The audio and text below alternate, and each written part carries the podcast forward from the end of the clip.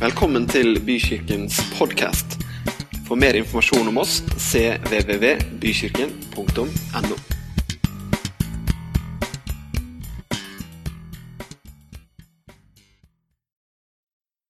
Det er vi kjempebra.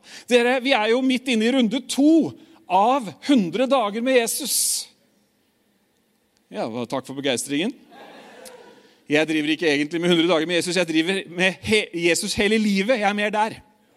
Det driver vi også med i Bykirken. Det er trosopplæringsprogrammet vårt. Så vi holder på med det også, Men, men i alle fall da, så er vi midt inne i det, 100 dager med Jesus. Og det er fantastisk, for det er jo liksom, det er Jesus og Jesus og Jesus og Jesus. Og hele, hele veien så er det Jesus. Og nå går vi inn i tre uker som handler om hvorfor Jesus døde. Og eh, temaet som du begynner på neste uke, heter noe så fantastisk som eke homo.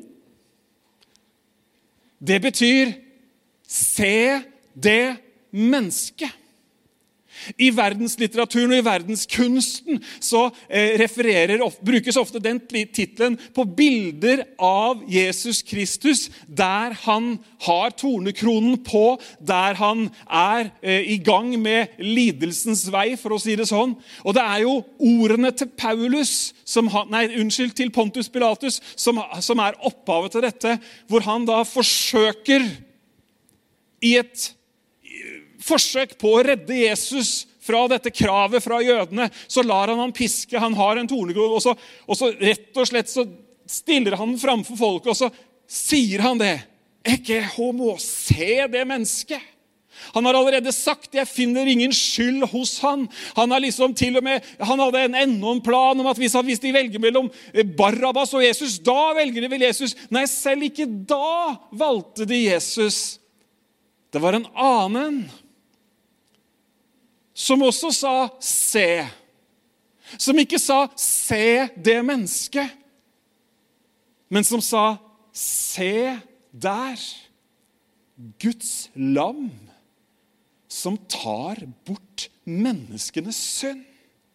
Døperen Johannes han ble jo forveksla med Jesus. Er du han som skal komme? Altså Nå er det såpass mye liv her, nå skjer det så mye, at folk stilte døperen Johannes spørsmålet er du Kristus. Nei, jeg er ikke Kristus. Er, altså De sendte folk, representanter fra synagogene, ut og hadde utspørring osv. står det i Bibelen. Og døperen Johannes, er det liksom han? Nei, det er ikke han. Jeg er ikke han.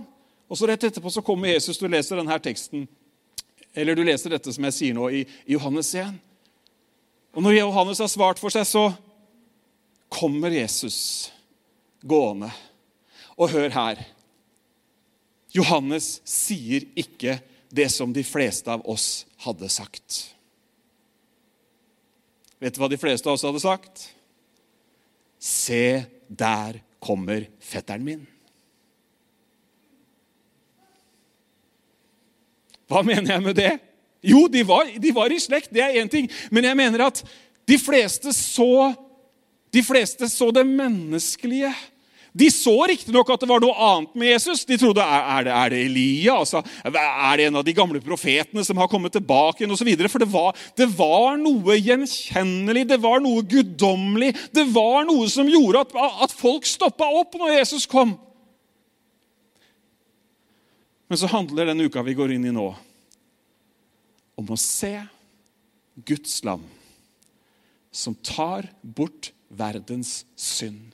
Det handler om å se Jesus for den han er, ikke for den vi mener at han skal være. Ved Guds ånd så hadde Johannes fått en forståelse av hvem Jesus var. Og han lot ikke engang den menneskelige relasjonen, han lot ikke engang men det menneskelige, menneskelige intellektet komme i veien. Nei. Som, en, som ved en innskytelse av Den hellige ånd. Jeg er overbevist om det. Det står om døperen Johannes vet du, at Den hellige ånd var i ham. Så proklamerer han, og så forkynner han så kommer han med en setning som for all tid har forvandla hele menneskeheten. Se der! Guds lam som tar bort verdens synd. Bli med meg til en annen tekst, Matteus kapittel 16.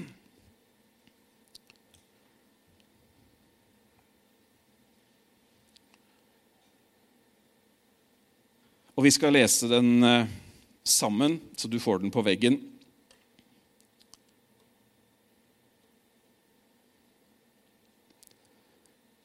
Da Jesus kom til Cesarea i Filippi, spurte han disiplene sine, 'Hvem sier folk at jeg er?' Disiplene svarte, 'Noen sier at du er døperen Johannes.' Ser dere, ser dere, forvirringen? Det er noe som skjer her, men hvem er egentlig hvem her? Noen sier at du er Elia, andre mener at du er Jeremia eller en av profetene. Så spurte han, 'Hva med dere?' Hvem sier så dere at jeg er? Simon Peter tok ordet.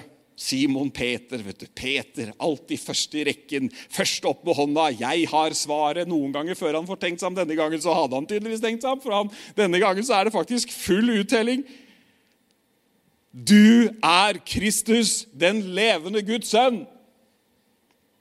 Jesus vendte seg mot ham og sa, 'Du er Virkelig velsignet, Simon, for dette har du ikke funnet på selv eller hørt av noen andre.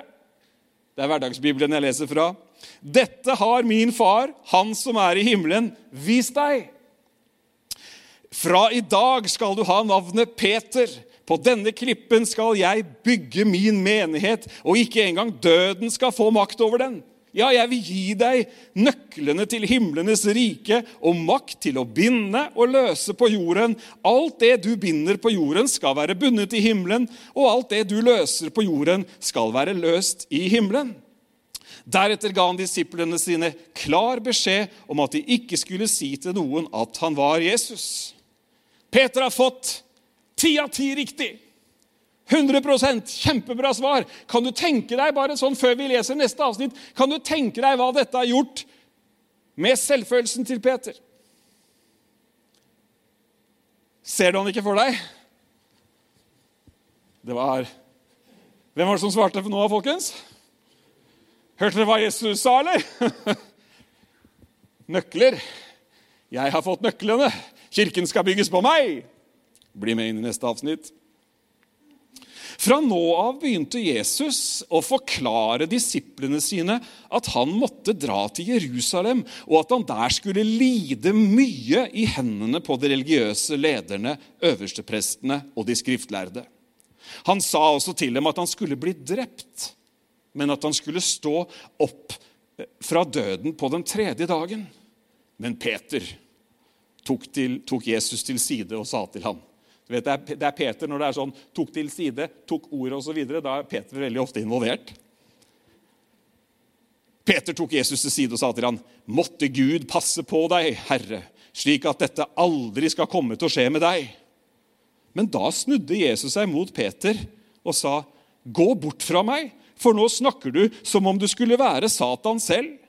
Det du sier, er ikke riktig og kommer ikke fra Gud. For du ser, det, du ser, det, bare fra et menneskes perspektiv og ikke fra Guds perspektiv. En voldsom endring fra å være liksom Peter, liksom, du har jo skjønt alt, til å få klar beskjed. Peter, nå snakker du som Satan sjøl. Du er sikkert vant til å høre det 'vik bak meg, Satan'. Det er liksom den originale oversettelsen, men jeg syns det, det, det, uttrykkes veldig bra her. Nå snakker du som Satan sjøl. Altså, nå snakker, du som, nå snakker du som motpolen. Nå snakker du som det motsatte av det som egentlig skal skje. Hva er det Jesus har snakka om her? Jesus har snakka om at nå er det jeg er kommet for å gjøre, i ferd med å skje. Jesus ber ikke om støtte. Han ber ikke om at de skal på en måte prøve å, å, gjøre et eller annet sånn at dette ikke skjer. Nei, han er fast bestemt på å være lydig. Det står i Bibelen ja, han var lydig, lydig inntil døden. Det ville jo være et nederlag for Peter et nederlag for Philip, et nederlag for disiplene, at han som de nå hadde forlatt alt for å følge, skulle drepes.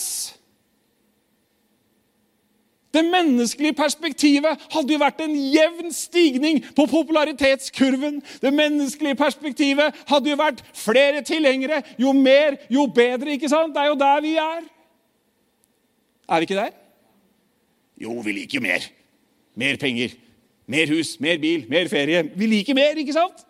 Ja, det er menneskeperspektivet, det skjønner du. Men det hender at Guds perspektiv er litt annerledes. Og det som, det som, det handler om her, er at noen ganger så kan du og jeg vi kan stå i fare for å putte Jesus inn i en eller annen sånn form som vi gjerne vil at han skal være i, for at det skal passe med de fremtidsutsiktene vi klarer å se for oss. Men så er det sånn at fremtidsutsiktene som Gud har, de er større.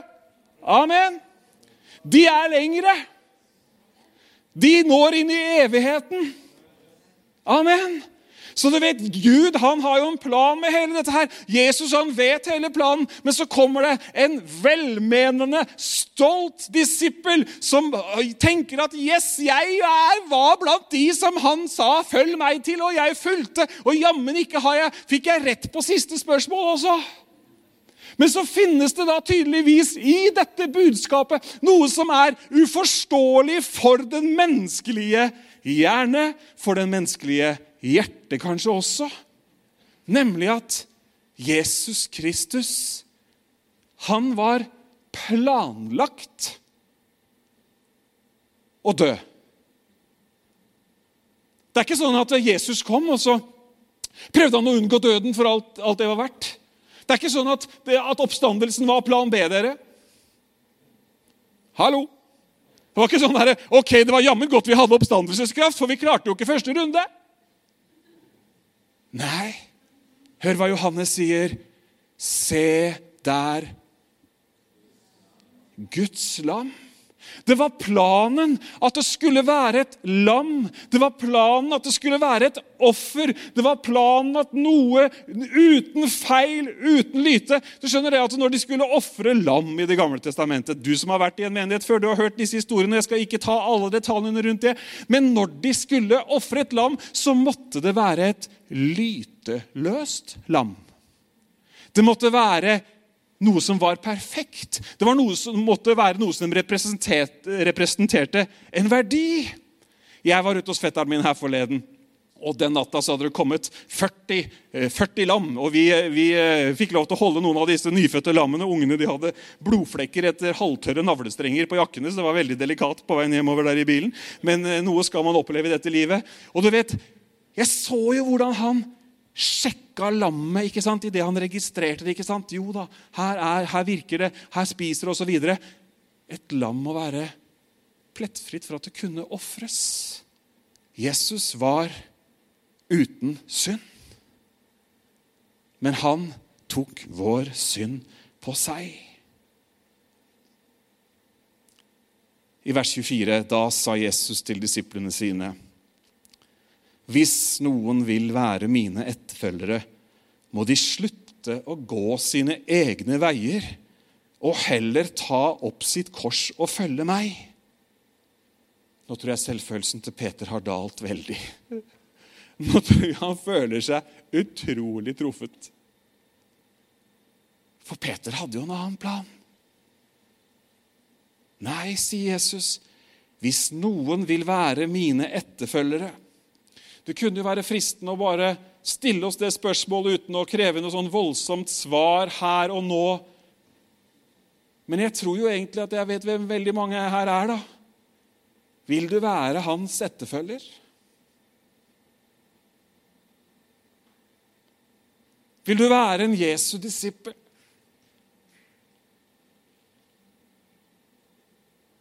Da innebærer det også neste ledd her som står hvis noen vil være mine etterfølgere, må de slutte å gå sine egne veier og heller ta opp sitt kors og følge meg. Den som er egoistisk og holder fast på sitt liv, skal miste det livet han har. Men den som er villig til å oppgi sitt liv for min skyld, skal finne et rikt og meningsfylt liv. Og Så fortsetter Jesus og sier han, for hva hjelper det et menneske om det vinner hele verden, men mister seg selv? For hva er vel viktigere for et menneske enn dets egen sjel?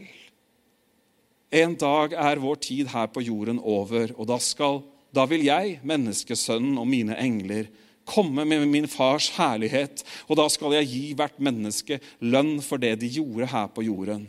Og sannheten er at noen av dere som står her nå, ikke kommer til å dø før dere ser menneskesønnen komme i sitt rike. Ikke homo. Se det mennesket. Pilatus så én ting. Johannes så noe helt annet. Johannes ser Jesus som den han er, og det oppdraget han har kommet for å utføre. Og Det er ikke sånn at Johannes sier det er jammen en interessant person, han Jesus.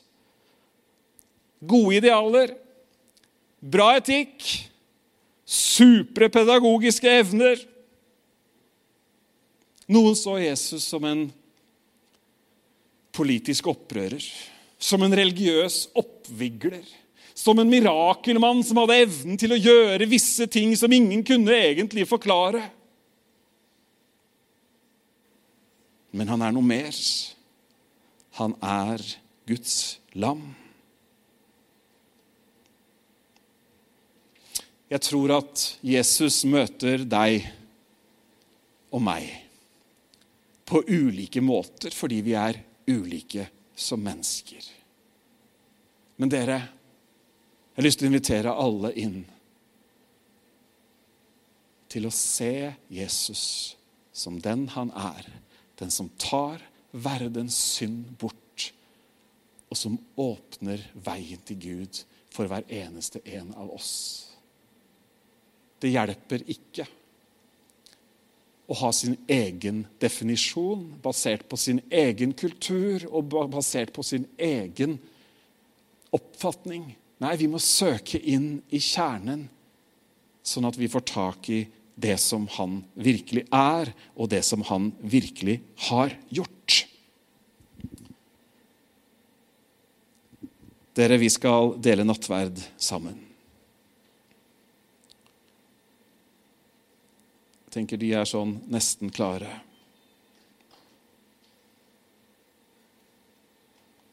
Denne uka, så i 100 dager med Jesus, så er det nettopp dette å se han som får fokus. Dette å skjønne at han er Guds lam, og ikke minst at han er den som tar bort synden. Hva er synden? Jo, synden det er det som skiller oss fra Gud. Det tyske ordet for synd er sund, hvor vi har det norske sund. Du vet, En sånn underjordisk dal som skiller to landområder, vestsiden fra østsiden osv. Men hva skjer liksom når du tar vannet bort i et sund? Da blir det forening. Da kan du gå tørrsko, da kan du ha forbindelse. Da trenger du ikke spesialinnretninger som båt eller helikopter for å komme over, men da da er forbindelsen der. Det samme skjer når Jesus tar bort synden. Så åpner han opp sånn at vi kan komme til Gud. Det er gode nyheter, dere. Amen. Det er veldig gode nyheter. Det er derfor det heter vet du, gode, Evangeliet betyr jo gode nyheter. De gode nyhetene ifølge Johannes. Johannes evangelium. De gode nyhetene ifølge Matteus. Det er derfor de skriver alt det de skriver, som vi leser, og som vi holder fram hele tiden. For det er gode nyheter for oss fordi at han vil at vi skal leve et meningsfullt liv. Hvor vi ikke bare går våre egne egoistiske veier, men hvor vi, om så er, tar opp korset vårt og følger Han på alle punkt. Skal vi få litt hjelp av uh, gjengen? Og så skal vi dele nattverden sammen her helt til slutt.